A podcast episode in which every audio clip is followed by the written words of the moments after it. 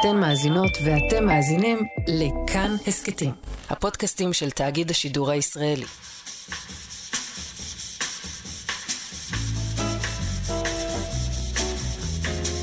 מאחורי הקלעים, שעה עם רותי קרן על צידו הנסתר של עולם התרבות והאומנות. מה מחכים לו ומצפים לו ומבקשים תמיד שוב את הטעם של אותה פעם שאת הלב תרעיד.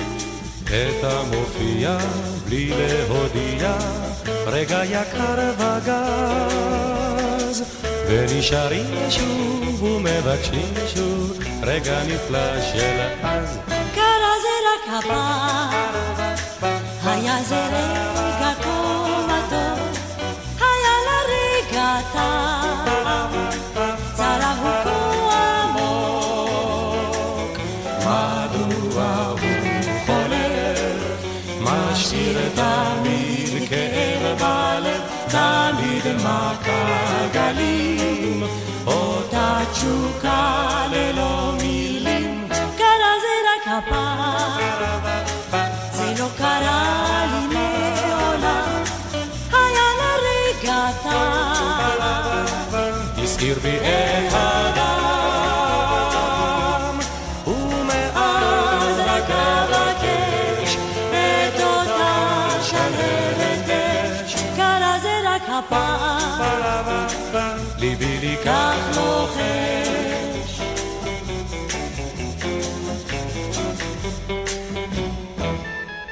היה לרגע טעם, צרב הוא כה עמוק. מדוע הוא חולף ומשאיר תמיד כאב בלב? אז משהו שחלף, ששייך לפעם ויש כלפיו געגוע, מין כאב מתוק. אנחנו מדברים על נוסטלגיה, על משיכה לעבר שאיכשהו מקבל נופך קסום שמתרפקים עליו.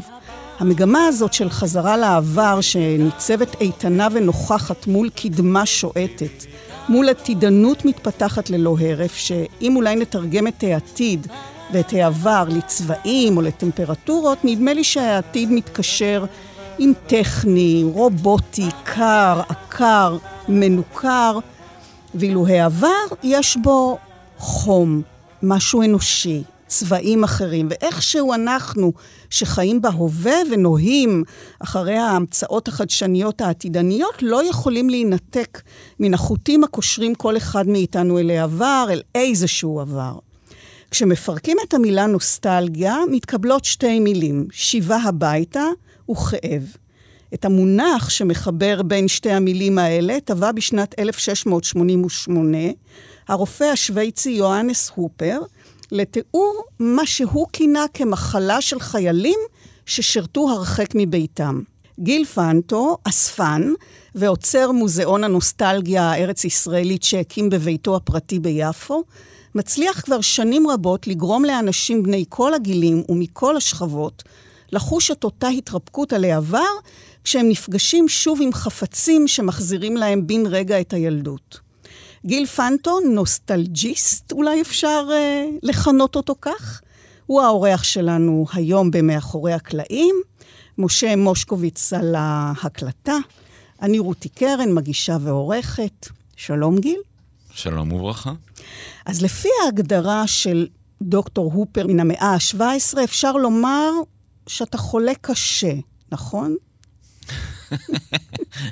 שאלה למה מתכוונים חולה קשה. הייתי אומר שאני מאוד אוהב את ישראל של פעם. אני חושב שבחרתי להתעסק דווקא בשנות ה-50, 60, 70, בטח כשמסתכלים על השנים האלה דרך העיניים של היום. רואים את התמימות, הפשטות, הצניעות.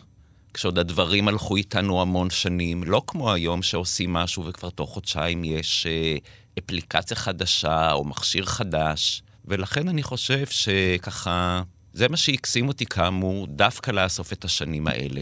זו מחלה מילדות. כלומר, יש כאן אולי מין אוקסימורון, שהרי עצם המחלה היא סוג געגוע לילדות. אז איך ילד יכול להתגעגע לילדות בעצם? ובכל זאת, היה לך כבר כילד איזשהו יחס מיוחד לחפצים, לאביזרים? באופן מפתיע לא. אני לא מגיע ממשפחה של אספנים, נהפוך הוא. דווקא ממשפחה שזורקת. כמעט, כן, כמעט אה, כל דבר שאין בו צורך, ולכן אולי עם השנים בעצם אני אוסף את הילדות הנפלאה שהייתה לי. רגע, היית ילד אספן? נניח בולים, כרטיסים של מסטיקים, מכוניות קטנות, או שבכלל לא היה שם איזשהו יחס? בכלל לא. לא.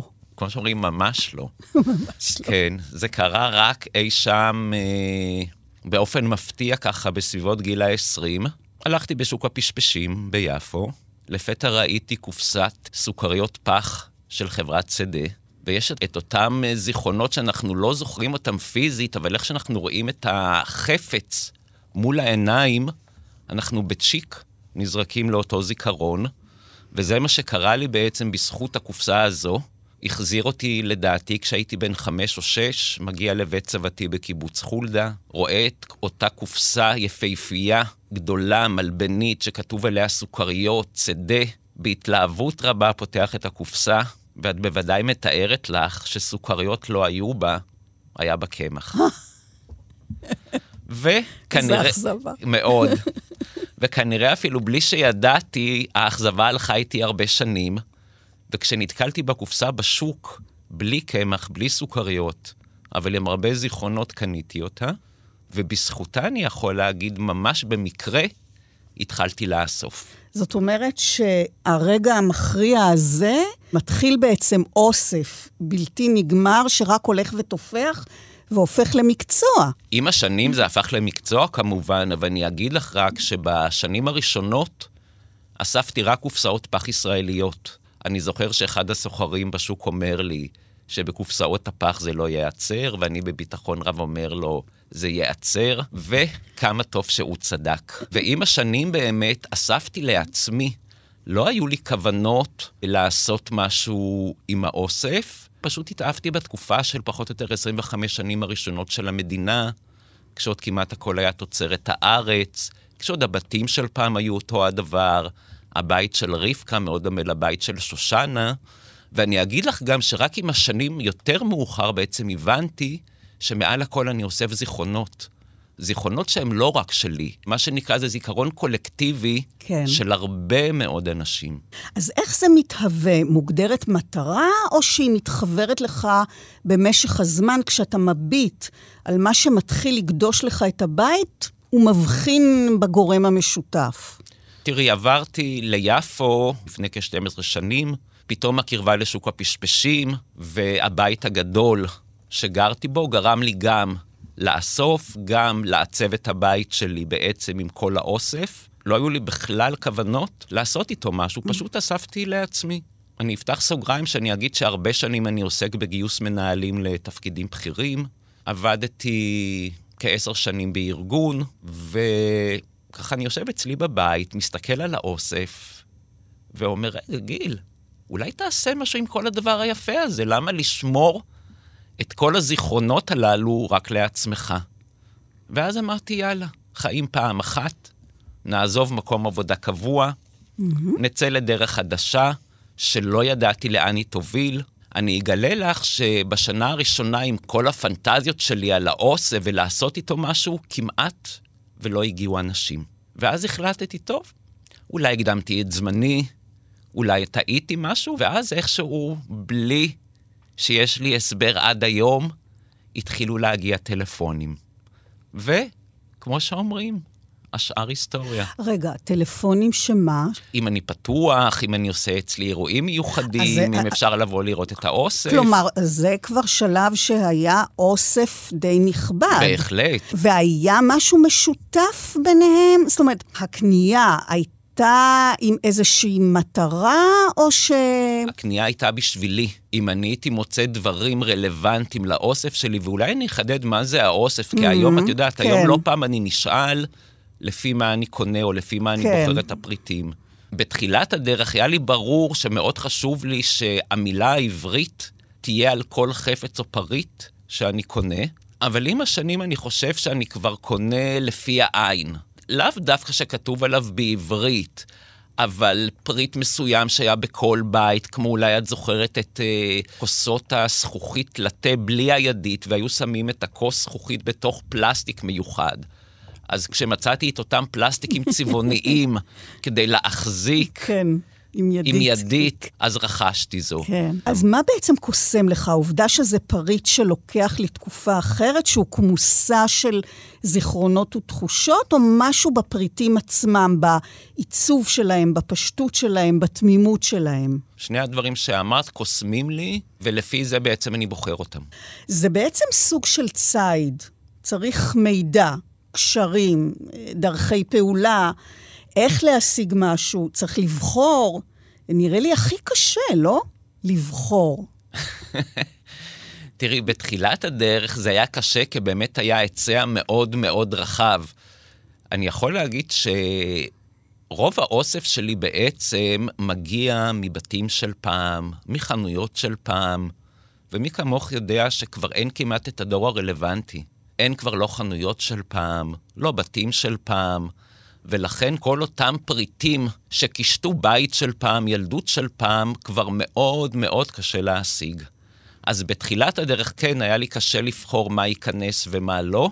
היום זה כבר הרבה יותר פשוט, אולי לצערי, אולי לשמחתי, כבר uh, כמעט ולא מוצאים דברים. אז לאט לאט החפצים מתרבים. בשלב מסוים אתה מתחיל להבין שיש לך למעשה מוזיאון נוסטלגיה, אבל אני סקרנית לגבי השהייה שלך עם חפצים, שלכל אחד מהם יש מטען רגשי, היסטורי, של תקופה, של חברה, ושל מישהו שהחפץ הזה היה פעם שלו והיה יקר לו. נכון.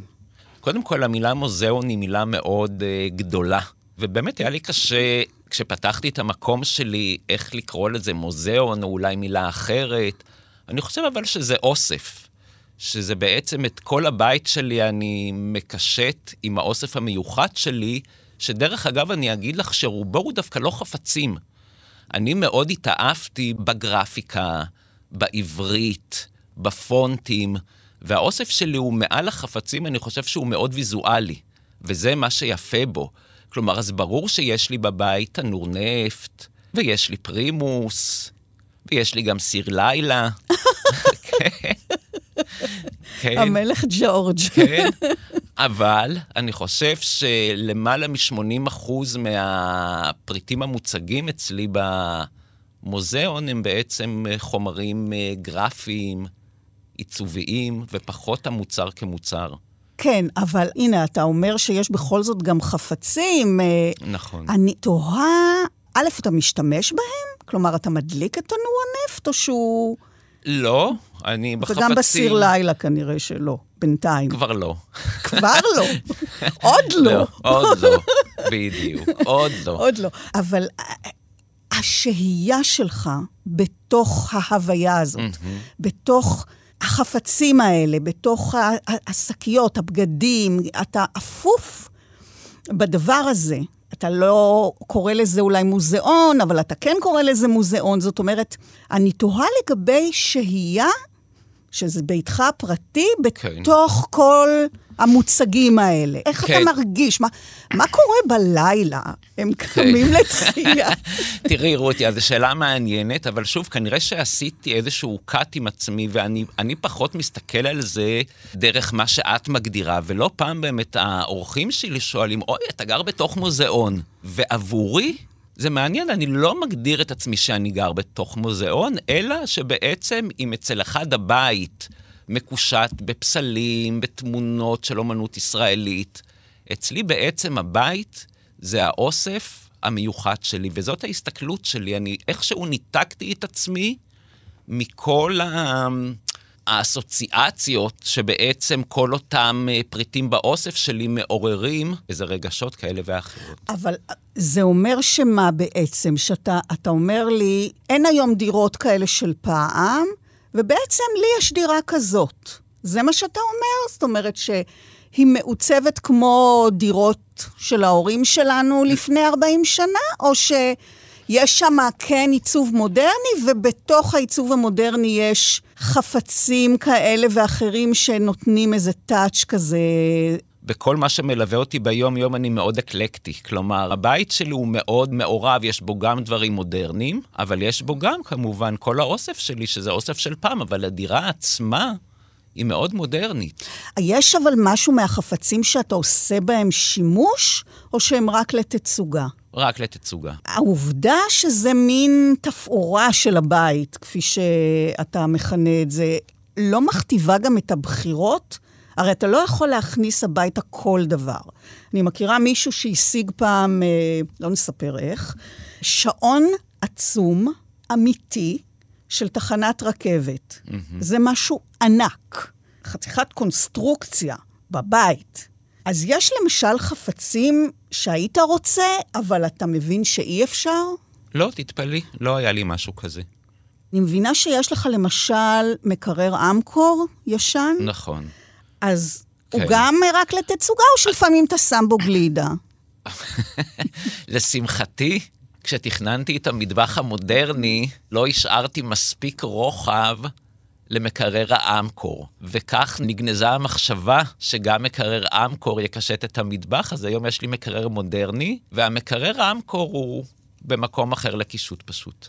הוא ארון אולי? אצלי הוא לא ארון, אני אגלה לך. כן. שאת מבינה, הבית כבר כמעט ואין מקום, ואספן הוא אספן, וכשהוא רואה פריטים מיוחדים שרלוונטיים לו לאוסף, וגם אם אין לו מקום תצוגה, אז הוא יקנה את אותם פריטים. אז יש לי גם מחסן מאוד גדול, שבו אני שומר את כל אותם הפריטים שרכשתי לאורך השנים, שאני לא מציג אותם בביתי, שאני יכול לגלות לך שאני יכול לפתוח לדעתי עוד שלושה מקומות עם אותו אוסף מיוחד. טוב, בוא ננסה רגע לשוטט איתך דמיונית. כשאתה באמת מתהלך ברחובות, מה יתפוס אותך? משהו שיש לו סיפור? משהו שמזכיר לך חוויה, אישיות, משהו שתופס את העין ויזואלית? כי כשלמישהו יש מוזיאון, הוא כבר הופך באיזשהו מקום לעוצר. הוא כבר חושב אחרת, כבר יש אולי תפיסה מוגדרת. אז כמובן שאני עוצר באמת, אחרי כל פריט שאני מכניס לתוך האוסף, כמובן יש איזושהי מחשבה. אבל עם השנים הבנתי בעצם שהחפץ שה... הוא רק חפץ, ומה שנותן לו את החיים זה הסיפורים. ולשמחתי, וזה אני חושב הדבר הכי מיוחד באוסף שלי, שאספתי המון סיפורים אישיים על הפריטים. עם השנים גם אורחים שמגיעים אליי בוחרים לתת לי פריטים אישיים שלהם, ואני יודע כמה זה קשה להיפרד כן, ממשהו נכון. שמלווה אותך המון המון שנים. הם הרבה פעמים אומרים לי, גיל, אצלנו זה סתם במגירה, או את הילדים זה לא יעניין. אבל כשאתה משוטט, נניח, בשוק הפשפשים, שאני מבינה שזה איזשהו על סדר היום אצלך, בוודאי, נכון? בוודאי, שם אני אומר שאני פותח את יום עבודתי, מחתים כן, כרטיס. מחתים כרטיס ומתחיל לטייל. ומחפש. מה רע? נכון. אחלה עבודה. בהחלט. אז כשאתה משוטט שם, ואתה כבר כנראה מכיר בעל פה מה יש אצל כל אחד, אבל אתה אומר שהסיפור הוא הדבר המרכזי, אבל אתה לא יכול לדעת מראש שלחפץ הזה יש סיפור. והשאלה אם כאילו אתה עובר, אתה רואה איזה נברשת מעניינת. אתה מתחיל לברר אם יש לה סיפור, או ש... החפצים כחפצים באמת אין להם סיפורים, אלא אם כן אני לא מקבל אותו ממישהו או מישהי. ולכן, עם השנים, מעבר לחפצים, אני מאוד אוהב לאסוף מילים. ואם אני מוצא פתאום ערימת מכתבים, או איזשהו חומר שיווקי כזה או אחר, אז פה יש את הסיפור, גם אם אני לא יודע את ה... למי זה היה שייך, או מאיזה בית זה הגיע, אבל המילים נותנים את החוויה של התקופה. את יודעת, עם השנים, כמובן יש הרבה סוחרים שמכירים אותי. ולא פעם כשמגיעה איזו תכולה מעניינת, או איזה פריט מיוחד, אז הם ישר דואגים לשלוח לי וואטסאפ. Mm. כן, כך קרה המקרה הבא. בחור משוק הפשפשים, שכרגע מעבר לדברי וינטג' שהוא התעסק, הוא גם בתקופת הקורונה התחיל למכור פרחים. ואז הוא קנה שש כוסות מאלומיניום תמימות למראה כדי לשתול בהן פקעות. הוא מנקה את הכוסות, ואז הוא פתאום רואה על הכוסות את הלוגו הראשון של חברת תנובה. ממש לוגו משנות, הייתי אומר, שנות ה-30 המוקדמות. ומעבר לתנובה כתוב מפעל החלב. מפעל החלב, אי שם בשנות ה-30, היה מפעל החלב לבתי הספר. לתת כוס חלב טרי לילדי בית הספר, ובמיוחד בשביל אותו מפעל, הכוסות הללו יוצרו. אז תביני איזה אוצר זה היה. וואו. תביני, למצוא פריט כזה משנות ה-30 המוקדמות, זה נדיר, נדיר, נדיר. עוד דוגמה נחמדה שממש קרה לאחרונה, מקבל וואטסאפ מידידה שלי, שחברה שלה שלחה לה הודעה שהיא עכשיו מפנה חדר כדי שהיא תוכל להכניס עובד זר שיעזור לאימה, והיא באחד הארונות מצאה חמש אריזות של בגדי תינוק. בזמנו, את יודעת, היו אריזות מקרטון מדהימות ביופיין, עם גרפיקה נפלאה שכתוב המתנה המיוחדת לתינוק או בגד לתינוק, וממש חמש אריזות עם הבגדים המקוריים משנות ה-70.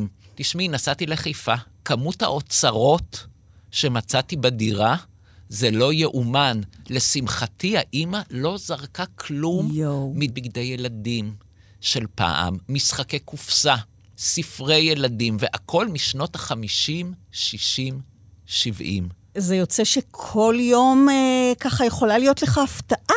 מאוד, זה כיף עבורי, כזה. כן, נכון, כל עבורי. יום חדש. כל יום איזה הפתעה תגיע.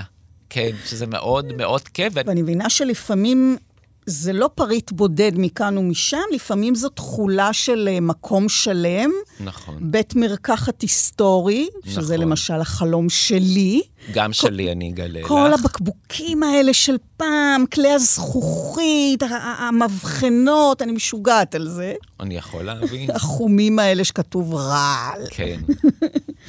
או חנות אה, נעליים שעמדה להשכרה שנתקלת בה במקרה. לגבי חנות הנעליים, אני אספר לך שיום אחד אני באמת רוכב עם אה, אופניי בתל אביב. אני רואה חנות שכבר לפי החזית שלה הבנתי שזו חנות של פעם. נכנסתי לחנות, שאלתי את בעלת החנות אם היא סוגרת, היא אומרת לי כן, היא אומרת לגיל אני כבר 40-50 שנה בתחום. היום הרחוב כבר השתנה, הלקוחות השתנו, ודי. וכמובן העין שלי קלטה ישר את אותם דרגשים של פעם. את יודעת שהיו שבצד אחד הייתה יושבת המוכרת, נכון. ובצד השני הלקוחות היו שמים את כף הרגל. מוד- שרפרף קטן כזה. כן. אדום כזה. אדום כזה, אז לקחתי את אותם אה, שרפרפים קטנים, לקחתי כל מיני קופסאות נעליים ישנות, תוצרת הארץ שהיא עוד שמרה. אני יכולה לתת לך גם, יש לי מלא. וואלה, אז נדבר על זה אחר כך. אוקיי? את השלט של החנות, שדרך אגב, שלטים אני הכי אוהב. יש משהו בשלטי החנויות של פעם, ובישראל של שנות ה-50, 60, 70, דרך אגב, היה ממש מקצוע שנקרא צייר פרסום. זה אנשים שהיו מציירים בעבודת יד את השלטים של החנויות, שהיום, דרך אגב, למצוא כאלה שלטים, תצטרכי להיפרד מכמה אלפי שקלים. מה אתה אומר? כן. והרבה מאותם שלטים פשוט נזרקו כשנסגרו החנויות. אז לדוגמה, מהחנות לקחתי את אותם אה, פריטים מיוחדים. מבית המרקחת שהיה בזמנו בצפון דיזינגוף, לקחתי את אותם ארונות מיוחדים, את הבקבוקים החומים. היה בבית מרקחת שלט שעות חלוקת הרפואות. לא תרופות, רפואות. תראי איזה מילה יפה כן, השתמשו פעם. כן. ואיפה כל הדברים האלה נמצאים? הדרגש נעליים, ה... אז זהו, אז חלק כמובן מוצגים אצלי בבית באוסף, וחלק כאמור, כמו הדרגש נעליים, ב- במחסן. ב- במחסן, אבל יש לי תוכניות לטווח ארוך. המחסן אה, צריך להיות האגף השני של המוזיאון. כן, יש מחשבות. כן. ואם נעליים, אז כמובן הסיפור על נעלי פיל, שרבים מאיתנו נעלו בילדותם, גם שם גילית אוצר שלם ואפילו הצגת תערוכה בתוך חלל החנות המקורי. זה מדהים, דרך אגב, יש כמה, הייתי אומר, מותגים, אם אפשר לקרוא לפיל מותג, אבל בטח בימים הראשונים של מדינת ישראל, נעלי פיל היה מותג שהמון המון ילדים וילדות רק חלמו שיקנו להם את נעלי פיל. אז לשמחתי באמת, עם השנים מצאתי הרבה הרבה דברים מתוך החנות עצמה, שקשורים לחנות. נפגשתי גם עם הבנים של בעלי החנות, שמעתי מהם הרבה סיפורים, באמת יצרתי בזמנו תערוכה, היכן שהייתה החנות המקורית באלנבי פינת אה, נחלת בנימין. החיפוש שלך אחרי בעלי החנות, כשאתה מגיע לילדיהם, שגם הם כבר אנשים מבוגרים, מה גילית? מה גיליתי? קודם כל גיליתי סיפור, את יודעת, לא יודעים איך זה בכלל התחיל. שמעתי המון סיפורים נחמדים, לדוגמה, על החנות. אם את רוצה, אני יכול לספר לך אנקדוטה נחמדה. אתה לא צריך לשאול, אתה צריך לספר. אז תראי, אז הם סיפרו לי סיפור מאוד נחמד. שהחנות באמת במונחים גם של עיצוב הייתה בעיצוב מדהים במונחים של היום. החנות הייתה עם קיר מאוד מאוד מאוד גבוה, וכל הקיר היה בעצם עם אותן קופסאות נעליים קטנות. עכשיו, לבעל החנות לא היה הרבה כסף למלאי, אז מה הוא עשה? הוא סידר המון קופסאות שרובן היו ריקות, ורק חלקן היו בהן באמת נעליים. מה אתה המ- אומר? כן. כמו אלה ששמים רק עטיפות של ספרים, אה? בדיוק. עכשיו, היה סימון מיוחד על אותן קופסאות הנעליים, בהן יש נעליים. המוכרת ידעה. יום אחד היא מטפסת בהתלהבות על סולם כדי לשלוף קופסה עם נעליים שבאמת יש בה נעליים, אבל קרתה תקלה, וכל קופסאות הנעליים נפלו, והתרמית התגלתה. וואו. כן. הידעת השמעת יש אופנה באתה אתה. רק הגעת כבר מצאת יש הרבה באתה אתה. טררררתה טררררתה יש הרבה יש הרבה באתה יש הרבה יש הרבה באתה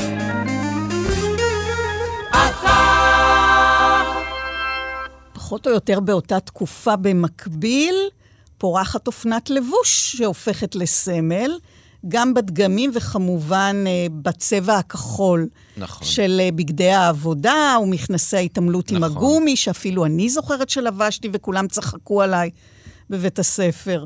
היום המכנסיים האלו הם פריט אופנה נחשק, לא? כן, בוודאי את מדברת על עטה, שכשמדברים על ישראל של פעם, בטח השנים שאני מתעסק בהן, אז עטה הייתה ממש אחד המותגים. אני זוכר שיום אחד אני מגיע לחנות יד שנייה בתל אביב כדי לחפש לעצמי, אני גם אוהב מדי פעם אה, ללבוש אה, בגדי וינטג', ואני מגיע לחנות ואני רואה על הקולבים שמלות של עטה משנות ה-50 וה-60, ואני ככה מדבר לעצמי, ואני אומר, רגע, גיל, אם אתה אוסף את ישראל של פעם, איך אתה לא אוסף את עטה גם? הרי כשמדברים על ישראל של פעם, ברור שלעטה יש מקום של כבוד. השמלות של עטה הסתכלו עליי, אני הסתכלתי עליהן, ואת יכולה להבין שרכשתי לי שמלות של עטה, וואו. כן, שאני לא הולך, עדיין לא הולך בהן, ועם השנים יש לי את אחד האוספים הנדירים והמיוחדים שקשורים להלבשה ישראלית של פעם. וחלק מהם אתה לובש, נכון? כן, דברי גברים של אה, אובגה, של עטה, מה סוד הקסם של הלבוש הזה? צבעוניות, העיצוב. אני חושב שהיום זה סוג של one piece. כלומר, ברגע שאני הולך עם איזשהו ג'קט או חולצה משנות ה-50, 60, 70, אז כנראה אני היחידי שאלך בה. ולא כמו היום שאת הולכת ברחוב וכולם פחות או יותר נראים אותו הדבר. והנה אחת החנויות הוותיקות של עטה, שנפתחה לפני כ-70 שנה, נסגרה בשבוע שעבר. האמת שלא ידעתי, אבל בחנות הזאת אני הייתי מוצאת לאבא שלי פיג'מות ומכנסיים קצרים, כי באמת אה, עבור אנשים מבוגרים זה היה המקום, ואתה הרי צייד, אז מיד זיהית את ההזדמנות לעשות לה פרויקט פרידה ראויה ומפוארת, אספת את הבגדים ואת הריהוט, מה בעצם הולך להתרחש עם כל זה? אז עם החנות הזו באמת יש לי רומן מאוד ארוך שכבר נמשך כמה שנים, ולאורך השנים, לשמחתי, באמת הבעלים כמעט לא זרק דבר. כמובן, היו לו גם דברים חדשים, אך הוא גם שמר את כל אותם הבגדים של פעם עדיין עם האריזות המקוריות. נודע לי לפני תקופה שזהו, שהם סוגרים את החנות. קניתי את כל תכולת החנות שנשארה. כל תכולת החנות. כן, כן. לא מה נשאר הרבה. תעשה שם עם כל הגופיות אה, סבא וה... תראי, עוד לא חשבתי, אבל את יודעת, אני יודע שלא תהיה עוד הזדמנות כזאת, אז גם אם אני עוד אין לי את החשיבה מה אני בדיוק עושה עם הדברים... שיהיה. אני אומר שיהיה. לשמחתי גם פיניתי את כל הרעות המקורי שעוד משנות החמישים. שזה מדפים כאלה זה מעץ. מדפים, זה ארונות מהפורמייקה, זה הדלפקי מכירה של פעם, ואני מתכוון לעשות pop-up, שכל ה pop-up יהיה סביב חנות אתא של פעם. להקים את החנות בעצם אה, לתחייה לזמן מה. כן, אפשר להגיד שכן, כן. אז אלו באמת אה, פיסות היסטוריה נוסטלגיות שהצלחת לא רק לאסוף ולשמר את החפצים שנותרו, אלא גם לקבל מידע ואפילו ליצור קשר עם האנשים שמאחוריהם והסיפורים האותנטיים שכמובן מקימים את אותם אה, דוממים לחיים, אבל רוב החפצים והזיכרונות שאתה מחזיק במוזיאון הנוסטלגיה שלך בבית, הם אנונימיים. אתה מנסה להתחקות למי הם היו שייכים? לחפש אחרי הבעלים? כן, אז אני אספר על קלמר העץ של ראובנה באמת, שזה היה מקרה מאוד מוצלח, והמקרה השני היה פחות מוצלח, ולכן אחרי המקרה השני החלטתי שאני מפסיק לנסות לאתר מי עומד מאחורי הפריטים, כי אף פעם אתה לא יודע לאיזה מקרה או משפחה אתה מגיע. אז אני כן אספר על המקרה של ראובנה דווקא, שיום אחד אני הולך בשוק הפשפשים, אני מוצא את אותו קלמר עץ, שבטח הילדים של שנות ה-50 וה-60, לרובם היה קלמר עץ, אפילו אולי לחלק. היה את הקלמר שלה ביוקר, הקלמר עץ של השתי קומות, והדבר היפה הוא שבתחתית הקלמר באמת היה כתוב את שם הילדה, ראובנה וילקר. עשיתי גוגל, בהתלהבות רבה מצאתי אותה, ואני זוכר שוואו, אמרתי, אני מרים לה טלפון, אמרתי לה שזה בטח שיחת הטלפון הכי מוזרה שהיא קיבלה, אבל בטח בתור ילדה היה לה קלמר עץ, אמרה לי, אוי, נכון, ואיך הקלמר התגלגל לשוק? כשפינו את דירת הוריה, כל תכולת הדירה הגיעה לשוק, שם מצאתי את הקלמר, בהתלהבות שלחתי לה את התמונה של הקלמר, היא שלחה לי תמונה שלה כילדה בכיתה א' עם ילקוט בית הספר. השיחה הייתה לפני כמה שנים, ככה התפלאתי איך היא לא רצה ובאה לפגוש את הקלמר. אני יכול להגיד נכון. שהלוואי שאת הקלמר שלי היו מוצאים, כי אני באותו יום, גם אם זה היה אי שם בצפון הארץ, הייתי מגיע. היא הגיעה רק לפני כמה שנים, ואני זוכר שהייתי בדילמה, מה יקרה אם היא תרצה את הקלמר. דילמה קשה. נכון, הסתבכת. נכון, אבל לשמחתי אמרה לי, גיל, אצלי הוא סתם ייזרק בבית. אתה בכל אירוע מספר עליי ועל הקלמר, אז ברור שאני משאירה לך את הקלמר. כאן מה שיפה הוא שאצלי האוסף בבית זה בעצם אוסף שאני אומר שהוא יתום מסיפור. זה פריטים שאני קונה אותם בשוק או במקומות אחרים, אבל אני לא יודע מאיזה בית הם הגיעו, למי הם היו שייכים. ודווקא הפריטים שאני מקבל מהאורחים, אני מקבל אותם עם הרבה סיפורים. אני אירחתי אצלי אירוע יום הולדת, והם מספרים לי שחודש אחרי הכרזת המדינה הייתה הפצצה מצרית על העיר תל אביב. בהפצצה הזו נהרגו שלוש נשים. אחת מהן היא קרובת משפחה שלהם, שהם לא הכירו אותה, ילדה שעמדה לחגוג יום הולדת עשר יומיים אחרי ההפצצה, ילדה בשם חניתה ויילר, והילדה נהרגה בהפצצה. אמה נפטרה לפני עשרים וכמה שנים. כשהם פינו את הדירה, הם פתאום מוצאים באחד הארונות שקית שהאימא שמרה את כל דברי הילדות של חניתה, מחברות, את מפית האוכל הרקומה שהיא הלכה לבית ספר. והם הרבה שנים התלבטו מה לעשות עם זה, למי לתת, למי לתרום, ולא הייתה להם uh, תשובה, הם לא קיבלו החלטה. כשהם באו אליי, והם ראו את הבמה שאני נותן הזיכרונות, או את החיים שאותם uh, פריטים דוממים מקבלים, הם אמרו לי, גיל, מצאנו את המקום. ומאז, כשאני בכל אירוע שאני מספר על מפית האוכל של חניתה, על מחברת החיבורים, האורחים פשוט מתרגשים, ואני אגיד לך שהיא כתבה חיבור, ילדה בכיתה ד', ממש חודשיים לפני שהמדינה הוקמה, ולחיבור היא קראה תוצרת ארצנו. וזה בדיוק הנושא של האוסף שלי. אתה מדבר על מפית האוכל, אני מבינה שמפית אוכל זה כנראה פריט די... אה, יש גם מפית האוכל של שולה. נכון.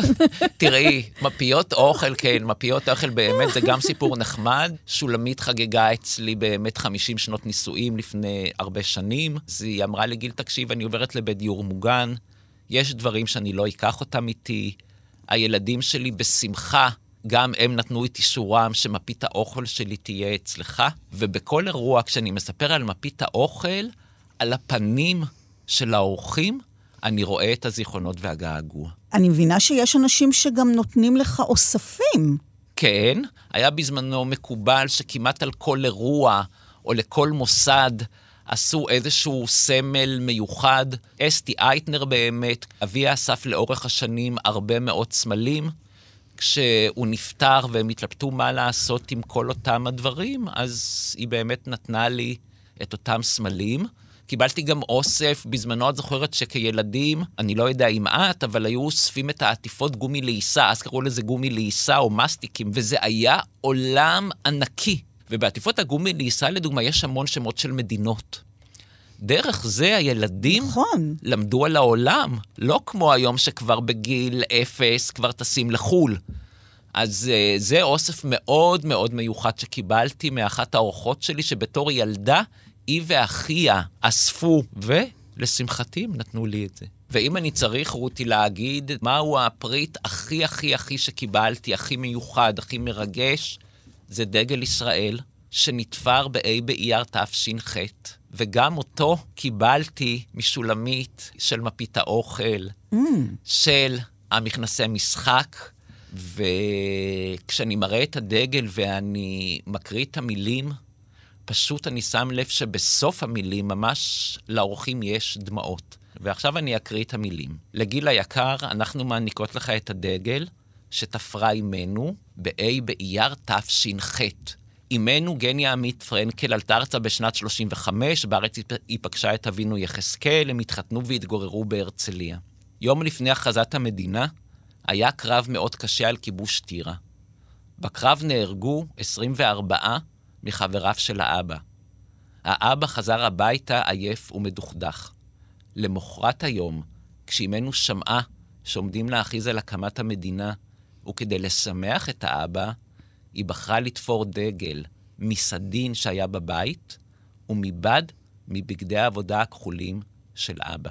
הדגל קישט את ביתם של הורינו עד מותם, והוא מחפש מקום בו יכול להיות מוצג בגאווה המייצגת את דור בוני המדינה. תודה שהסכמת לקבל אותו, שולה ויהודית. אתה זוכר את זה בעל פה, אתה לא קורא מדף, אני חייבת להדגיש את זה כי לא רואים. נכון, רותי, אבל אם תשמעי, אני מספר על זה כל כך הרבה פעמים, אתה כבר אה, זוכר את זה בעל פה. צרות כאלה שבשבילך הן באמת אוצרות. אבל לרבים הם זבל וגרוטאות ישנות שצריך להיפטר מהם, mm-hmm. באמת הולכים לאיבוד, אם כי נראה שהיום יש יותר מודעות אה, לפרטים כאלה. אנשים לא ממהרים לזרוק, בעיקר משיקולים של אולי ימצאו איזה אוצר ששווה הרבה כסף, פחות בגלל אה, יחס נוסטלגי, אבל חלקם כן מפקידים את היקר להם אצלך, כמו ששמענו, שזה די התמיע אותי. למה?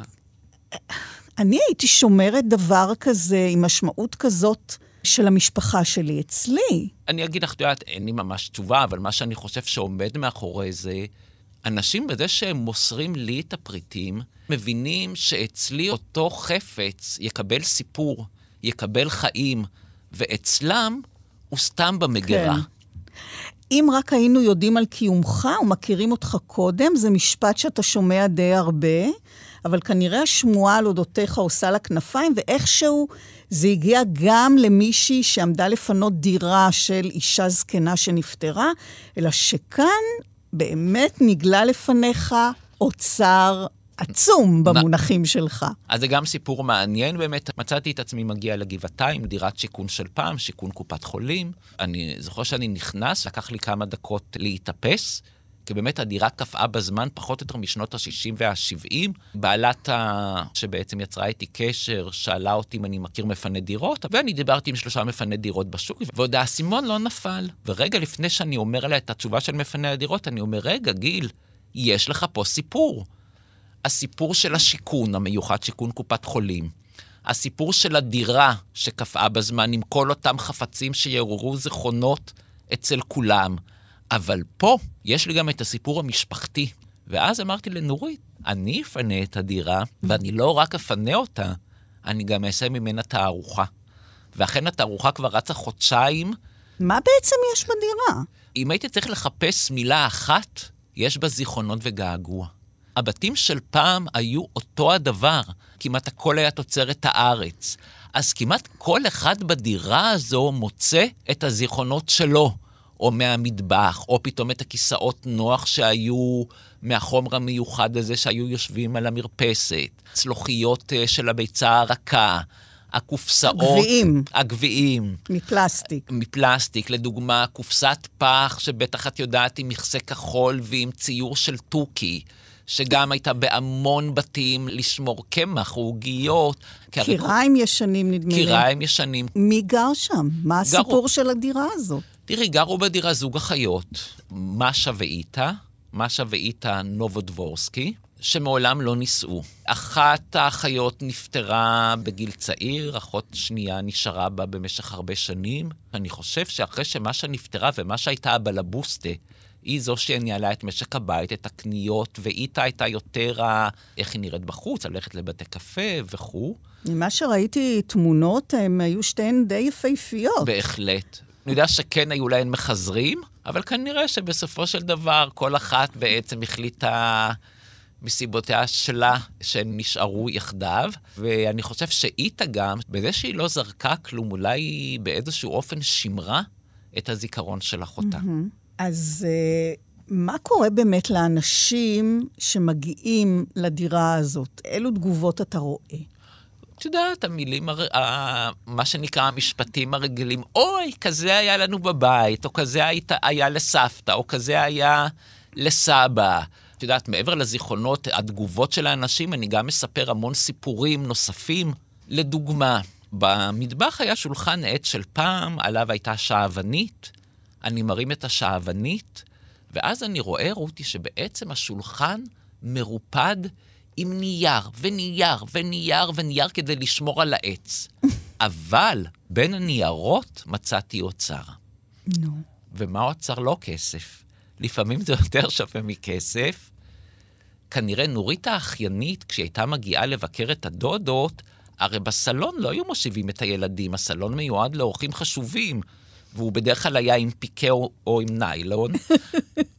אז את נורית היו משיבים במטבח, ועל השולחן היא ציירה. אז קודם כל מצאתי בין אותם ניירות, מצאתי ציורים של נורית, אבל הדבר היפה הוא שכנראה גם על השולחן הייתה אוכלת קרמבו. מה שמרו מהקרמבו? את העטיפות, את, המ... את הזהבים. כן. אז מצאתי אוסף זהבים נפלא של קרמבואים של פעם.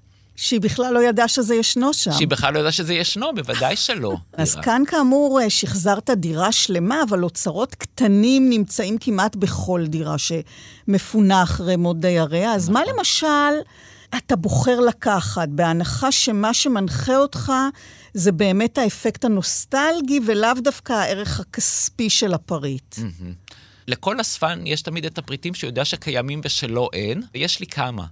אבל היה לי משהו אחד שמאוד מאוד רציתי, ומהו? בזמנו היה את הארץ שלנו. היה שם מדור חברים לעט. ילדים כתבו, אני בן ככה וככה, רוצה להתכתב עם ילדים בני גילי על נושאים כאלה וכאלה. פייסבוק של פעם. פייסבוק של פעם, או סוג של היכרויות של כן. פעם. ותמיד היה לי חלום למצוא אסופת גלויות כתוצאה מאותה מודעה בארץ שלנו. הגיעה דירה מחולון, לדעתי, לפני תקופה לשוק הפשפשים, ואני פתאום רואה אסופת גלויות. אפילו לא הסתכלתי מה, אבל היה נראה לי שיש כאן משהו מיוחד, קניתי. אני מגיע הביתה, ואני מתחיל לקרוא את הגלויות. כמה עולה למשל אה, אוסף כזה של גלויות? כן, תראי, את מי יודעת- בכלל, איזה סוחר בכלל מחזיק את זה?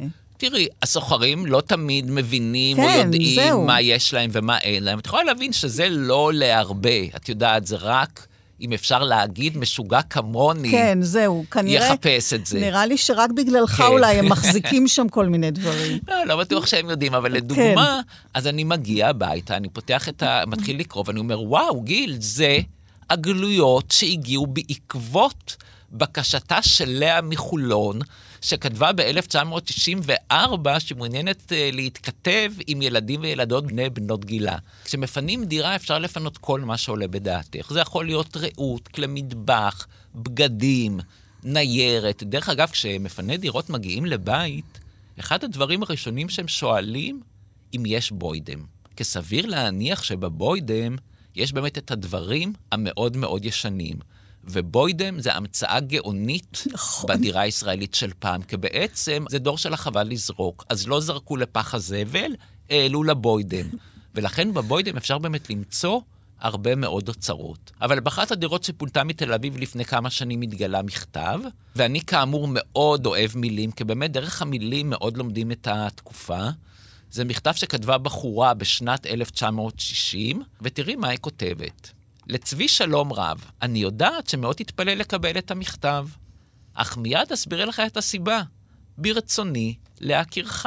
מכתב היכרות שכתבה בחורה ב-1960. אז איך שאני מתחיל להקריא אותו, האורחים אומרים, וואו, היא נועזת.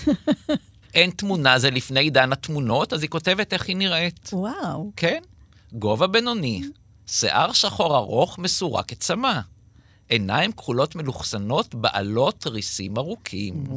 נכון, נשמע מבטיח. אני מבטיחה לך שלא תתאכזב, ומקווה שלא תאכזב אותי ותבוא הערב לקולנוע חן בשעה שמונה. אחכה לך ליד התמונות עד שעה שמונה ועשרה. אוי, זה נהדר. נתנה לו עשר דקות. תכיר אותי מיד לפי עצמה. להתראות מיקי, זהו הכינוי שלי. את שמי האמיתי אגלה לך בפגישה. אז אני נוטה להאמין שהם נפגשו והתחתנו, וחיו אתה כבר באושר בנית את ואושר. התסריט. ברור, כל אחד, את יודעת, בונה לעצמו. לא, כי אני אומרת, זה סיפור לסרט. את התסריט. אז את מבינה כן. שהדברים האלה לפעמים, עבורי, הם הרבה הרבה יותר מסתם נכון. חפץ או פריט. כמו אותו סיפור נחמד עם מחברת, שגם מצאתי אצל אחד הסוחרים בשוק הפשפשים. בהתחלה, כשראיתי את המחברת זה פחות עניין אותי, אבל כשפתחתי אמרתי שיש כאן אוצר בלום. כי כנראה המחברת הגיעה מדירה של מורה בבית ספר בכפר סבא בשנות ה-50, וזה משהו שהמורה כתבה, כנראה סוג של אה, חוות דעת על התלמידים, אבל משהו שהוא לא מגיע כמובן לידיעת ההורים, אלא משהו בין המורה ובין המנהלת. ילדים בכיתה א', שנות ה-50, אני אקריא לך דוגמה ותביני את רוח התקופה. הילד משה, בשליש הראשון היה תלמיד טוב, אחר כך החסיר הרבה עקב טיפול בכינמת, ועתה הוא חלש בקול, יושב בכיתה כמו גולם. כן, אז כשאני מקריא את זה, אז כמובן שכל האורחים צוחקים ואומרים שהיום, אם זה היה מגיע לידיעת ההורים, המורה כנראה כבר הייתה מחוץ לכותלי בית הספר. או עוד דוגמה, גם הילדה שושנה, היא כותבת עליה, הילדה שושנה מופרעת ומפגרת. אבל תראי, אני אגיד משהו על השימוש במילה מפגר-מפגרת, שבשנים הראשונות של המדינה זו הייתה מילה שנהגו להשתמש בבית ספר, להגיד שאתה מפגר בלימודים, או מפגר Mm. בחומר. אתה צריך גם להבין את המינוחים. נכון. אתה צריך גם לארגן מילון שם. נכון, נכון, כי יש כמובן מילים שעם השנים, את יודעת, נעלמו כמו, לדוגמה, סלון לגברות, או הלבשה לגברות. מי היום משתמש הלבשה לגברות, הלבשה לנשים? אבל המילה גברת הייתה מאוד שימושית כן. בישראל של פעם. אז כמי שחי רוב שעותיו אה, בעבר, אתה עסוק למשל בשאלה מה יהיה עתידו של המוזיאון הפרטי שלך, של כל התכולה שלו שהיא באמת כמוסה של זמן? בהחלט, זו שאלה שמאוד ככה מעסיקה אותי. את יודעת, זה אוסף שהוא מאוד uh, ייחודי מבחינת הרבה מאוד uh, היבטים, ולפעמים, uh, את יודעת, גם האורחים שואלים אותי, גיל, מה יהיה כשאתה לא תהיה כאן? את יודעת, זו שאלה קשה, אבל היא שאלה מציאותית. אני חושב שלהקים בית לכל אותה תוצרת ישראל של פעם, או עם איזה משקיע שחושב שהדברים האלה הם רלוונטיים, או איזה מוסד ציבורי, כי אחרת פשוט הדברים, את יודעת, או שאני באיזשהו שלב אמכור אותם, או שילכו לאיזשהו מוזיאון, אבל אז הם ייכנסו למגירה בעצם, ואף אחד לא יראה אותם, אלא יישלפו לתערוכות כאלה ואחרות. והכוונה שלי זה כן למצוא בית לתמיד, שגם בעוד 50 או 60 שנים, כשהכול כבר יהיה דיגיטלי, כנראה שיראו פעם את הימים והשנים הראשונות של ישראל. היום כשאתה מחזיק ברשותך כל כך הרבה חפצים ופריטים, ומן הסתם הסלקציה יותר קפדנית, היה משהו שרצית ולא השגת? בזמנו היה בגני הילדים מעין אה, לוח תורנויות מעץ, שהיה כתוב מי תורן, ואז היה אפשרות להחליף את שמות הילדים ואת הימים. לוח כזה היה בכל גן ילדים, הייתי אומר, של שנות ה-50 וה-60. זה ידעתי שהוא קיים, ומאוד מאוד רציתי את זה. אני מאוד אוהב דברי גני ילדים של פעם, דרך mm-hmm. אגב. ואני רואה את הפריט הזה יום אחד באיזושהי מכירה פומבית. אני אומר, הוא יהיה אצלי גם אם אני אשלם עליו אלף דולר. ואת יודעת, לפעמים מספיק שני משוגעים כדי שהמחיר יעלה בכלל mm. בלי פרופורציה למחיר שהוא שווה. אז את יכולה להבין שהוא בסוף הגיע אליי. הגיע. כן, ניצחת ברור. בתחרות. ברור, ברור. ובכל אירוע, כשאני מראה את אותו לוח, על הפנים של האורחים אני רואה את הזיכרונות. והוא באמת היה כל כך יקר? הוא היה, בואי נגיד, בסוף, אה, את יודעת, יקר זה בעיני המתבונן, בסוף הוא רק עלה סדר גודל של 600 ש"ח, mm-hmm. אבל מה שיפה, דרך אגב, בלוח הזה, זה לראות את שמות הילדים של פעם. יש שם את בתיה וחיימקה ושרה'לה, את יודעת? ומשהו שרצית ולא השגת? נעלי התעמלות של המגפר, אבל נעלי התעמלות של ילדים. כנעלי התעמלות של המגפר יש לי, אבל בזמנו כמעט כולם הלכו עם נעלי התעמלות של המגפר, והרי אלה היו נעליים בזמנו שאמרו שהן לא בריאות. אז לא הלכו בנעלי התעמלות ביום-יום, היה מותר ללכת רק בשיעורי התעמלות. אז נעלי התעמלות של המגפר עוד אין לי, אז אם מישהו מהמאזינים שומע, ואולי הוא שמר, אז זה הזמן. מאיפה יש לך כסף ל- לממן את כל הדבר הזה?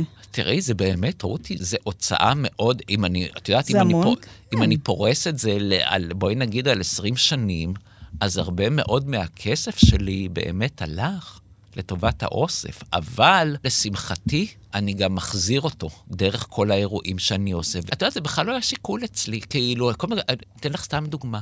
עכשיו על כל החנות הזאת של הפינוי עטה, הוצאתי כמה אלפי שקלים סך הכל. ואני כל פעם אני אומר, יש לך כבר כל כך הרבה, למה? למה אתה צריך עוד? ואת יודעת, אני יודע כבר כמה הדברים נדירים, למה במקום עכשיו את החמשת אלפים שקל על החנות, היית נוסע לאיזה חופשה מדהימה נכון. בחו"ל?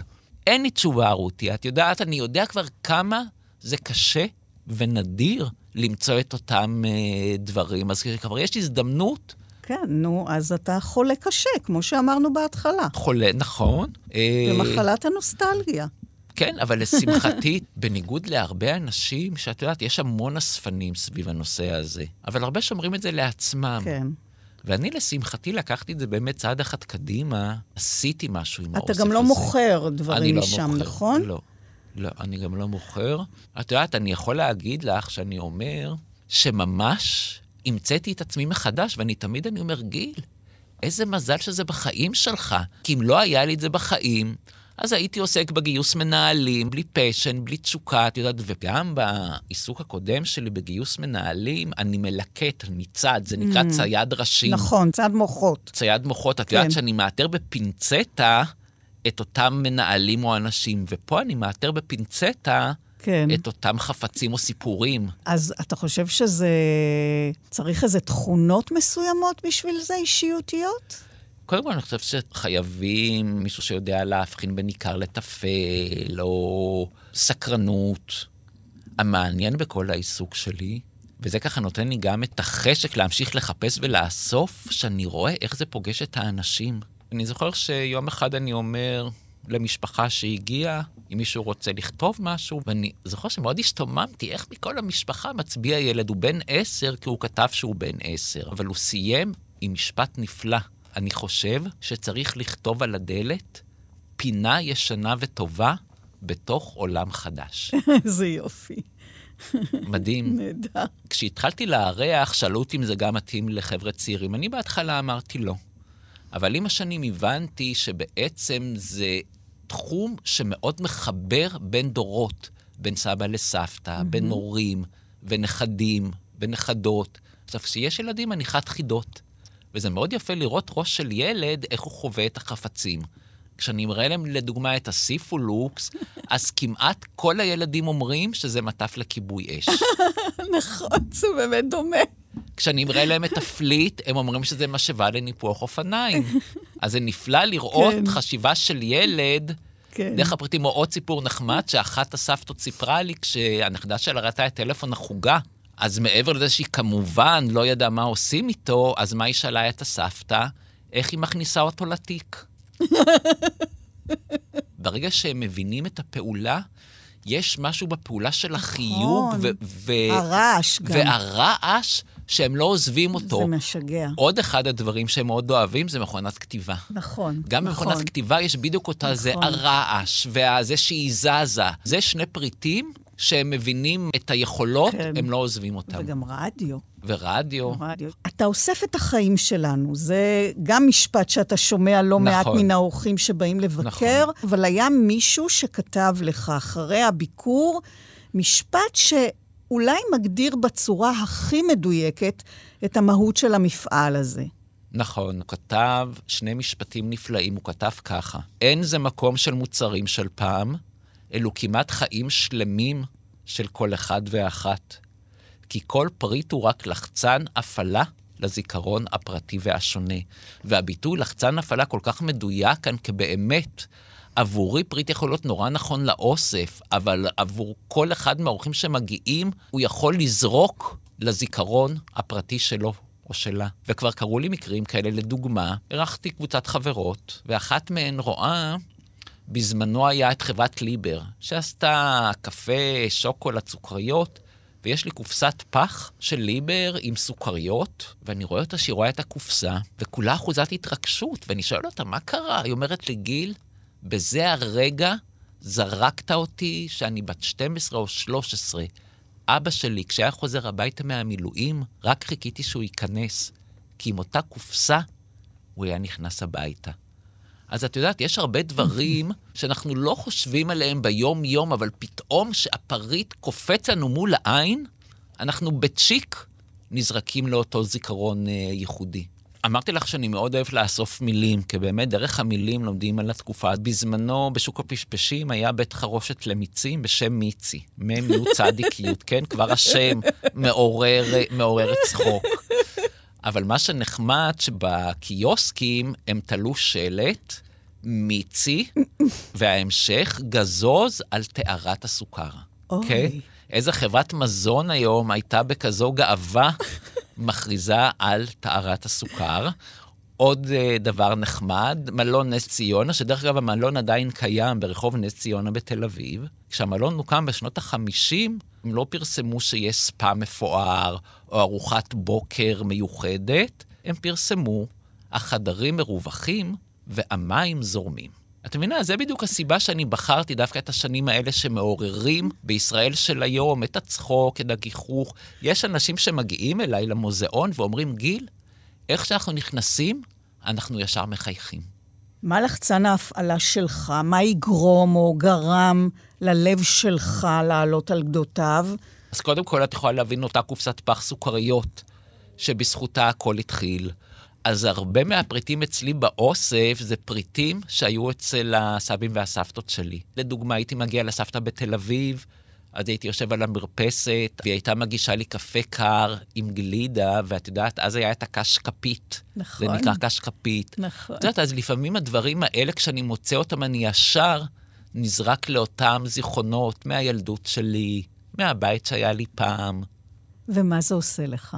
קודם כל זה עושה לי טוב, וזה עושה לי כמובן געגוע, אבל יחד עם זאת, אני מאוד uh, חי גם את העכשיו וגם את העבר. אתה חושב שההווה שלנו היום יהפוך לעבר נוסטלגי מתישהו? וואו, את יודעת, זו שאלה מעניינת. הרבה אורחים אומרים לי, רגע, אז כדאי להתחיל לאסוף היום? לדעתי לא. ואני חושב שההבדל המשמעותי הוא, למה לא? בזמנו, קודם כל המגוון, המבחר היה מאוד מצומצם.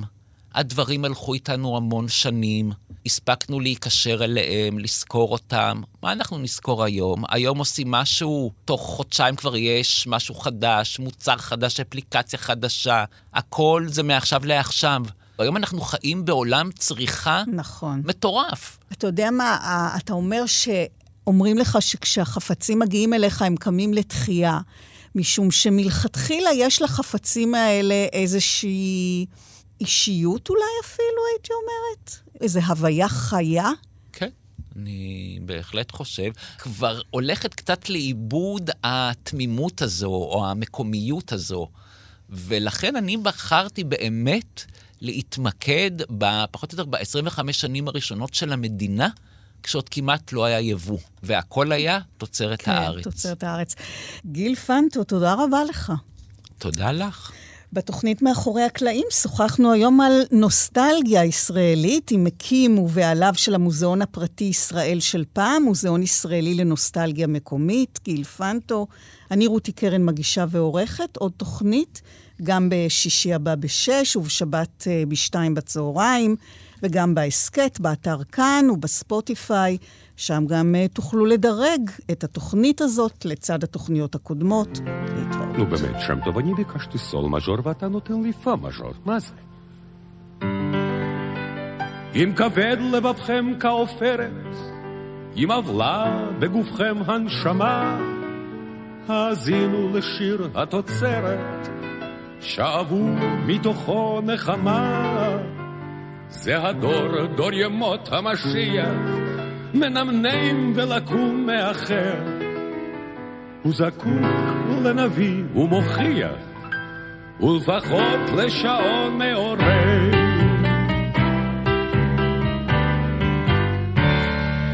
לעורר אהבה וכבוד וחיבה וקנאה לתוצרת הארץ, לחלב, לחצץ, לעוגות, לריבה, לגבינה מתוצרת הארץ.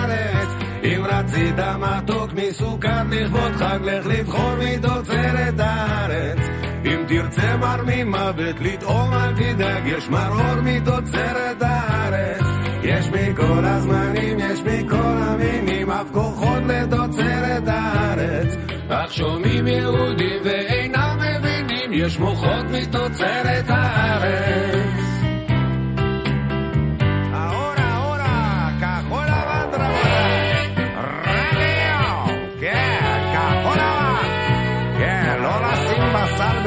בטעות רבותיי, כן. אין אחדות באומה הנולדת, אין שרשרת ידיים אחת, אין כתף, אין חזית מאוחדת, אבל יש, אבל יש לא מעט, אבל יש כתפיות, חזיות, ידיות, מפליאות מתוצרת הארץ. ישנו גן חיות ובגן החיות, אריות מתוצרת הארץ. מזערים ונימוס, אל תשאל לפטנט, זה תמיד מתוצרת הארץ. ובתולות בציון מדברות באקצנט גרמנית מתוצרת הארץ. ושנתיים וחצי אוכלת האש בשדות מתוצרת הארץ.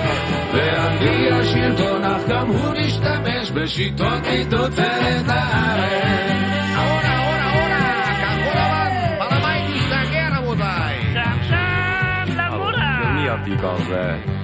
מי התיק הזה? יונתן! ההורה, לא לשים בסל בטעות, רבותיי! מתוק מתוק! כחול לבן, ההורה! זה הדור, דור ימות המשיח, מנמנם ולקום מאחר. הוא זקוק לנביא ומוכיח, ולפחות לשעון מעורר, לעורר אהבה וכבוד וחיבה וקנאה לתוצרת הארץ. לחלב, לחצץ, לעוגות, לריבה, לגבינה מתוצרת הארץ. אם רצית מתוק מסוכר לכבוד חג, לך לבחור מתוצרת הארץ. אם תרצה מר ממוות לטעום אל תדאג, יש מרור מתוצרת הארץ.